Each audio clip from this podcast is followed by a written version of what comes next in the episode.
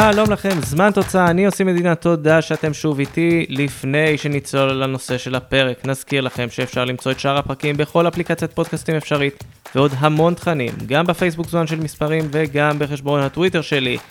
כן, אני יודע, יום ראשון היום, אבל אירוע מיוחד, תכף תבינו למה. יאללה, אל הפרק. תראו, אז בואו נתחיל מברכות.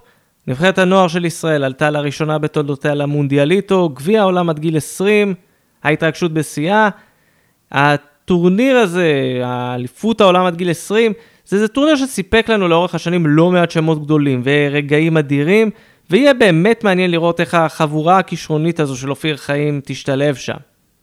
אבל האמת, יש סיבה לא פחות מעניינת למה ישראל מעולם לא הגיעה לטורניר הזה. נכון, ב-30 השנים האחרונות ישראל מנסה את מזלה דרך אליפות אירופה לנוער ובעיקר נכשלת, אבל גם לפני כן זה הלך מאוד מאוד קשה. נבחרת הנוער של ישראל הייתה מעצמה ברמה האסייתית. הנבחרת זכתה באליפות אסיה 6 פעמים, כולל 4 זכיות רצופות בשנים 64 עד 67, משיבה בסיס לדור הזהב, שגם הגיע למונדיאל מקסיקו 70.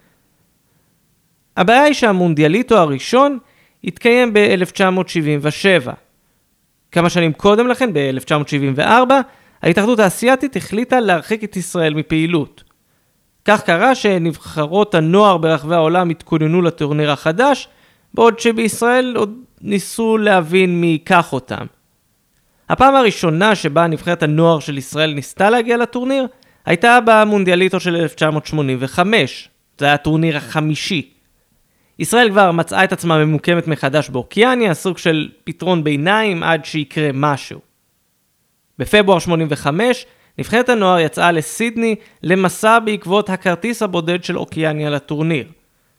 וזה התחיל לא רע, ניצחונות 3-1 מול טיוואן, 6-0 מול פפואה ניו גיני, אבל במשחק השלישי הגיע הרגע המביך, 0-0 מול פיג'י. התוצאה הזו סיבכה את ישראל. היא ניצחה אחר כך 4-2 את ניו זילנד, אבל המחזור האחרון, המשחק הגורלי מול אוסטרליה, היה זה שיקבע הכל. רק ניצחון היה עוזר לישראל. בדקה 27 נבחרת ישראל עלתה ליתרון משער של אלון נתן, אבל שלוש דקות אחר כך, קריס קלנציס שסיים את הטורניר כמלך השערים, השווה. האוסטרלים עוד הפכו את התוצאה בדקה ה-79 משער של אלכס בונדלו, דקה אחר כך הגיע ניר קלינגר הצעיר והשווה. הדקות עברו, הזמן תקתק, ישראל חיפשה את השער, אבל בדקה 89, בצורה הכי ישראלית שיכולה להיות, אלכס בונדלו קבע 3-2 לאוסטרליה והעלה אותה לטורניר. ישראל בחוץ. במונדיאליטו של 1987, ישראל ניסתה את מזלה שוב דרך הבית האוקיאני. גם הפעם היא הסתבכה עם תיקו בשני המשחקים הראשונים מול ניו זילנד ואוסטרליה, ומכאן כבר לא היה לה סיכוי להדביק את הפער. עוד טורניר מהבית.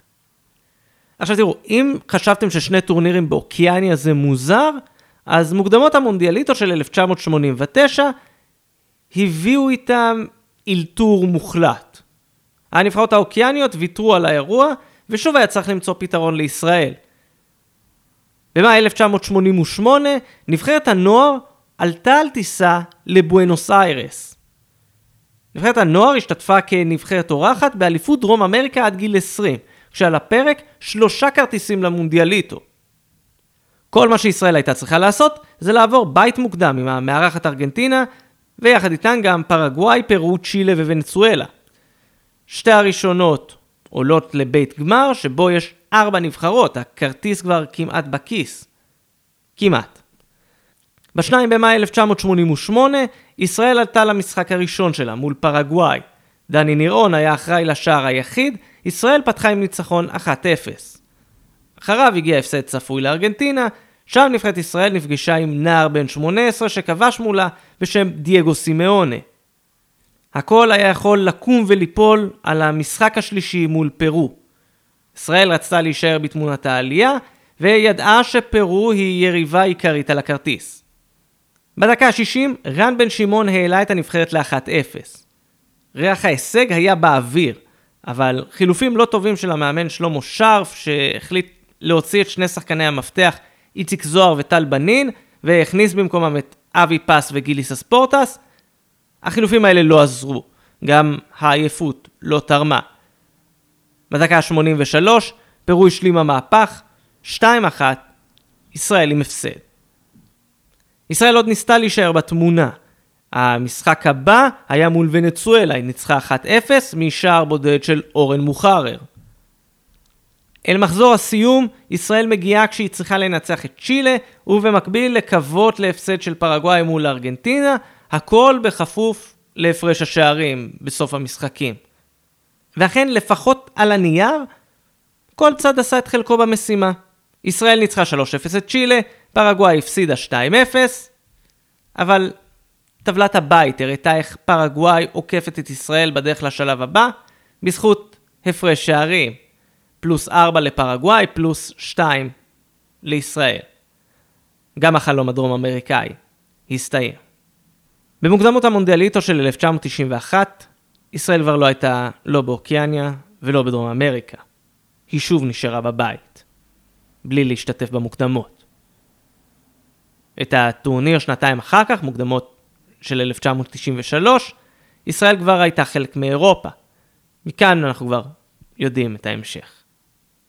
אז אולי שלושה טורנירים שהתפספסו בגלל כמעט כאלו שהיה בהם לא מעט טלטור, אולי הם מקבלים פיצוי ראוי עם העפלה דרך הישג חסר תקדים, הגעה לחצי גמר אליפות אירופה לנוער, וכל זה קורה ב-2022. מי יודע, אולי הנבחרת הזו תצליח להדהים אותנו גם בטורניר עצמו. אז זה היה עוד פרק של זמן תוצאה, אני עושה מדינה, תודה שהייתם איתי. Uh, כאמור, אנחנו בכל אפליקציית פודקאסטים אפשרית, חפשו אותנו בפייסבוק זמן של מספרים, חשבון הטוויטר של יוסי מדינה, הכל שם. אני מחכה לשמוע מכם תגובות, תהיות, רעיונות לפרקים, מחשבות על איך אתם הולכים להעביר את מאי בשנה הבאה באינדונזיה. הבמה שלכם היא לגמרי פתוחה. יהיו עוד פרקים, הם כבר בדרך אליכם. עד אז, ביי בינתיים.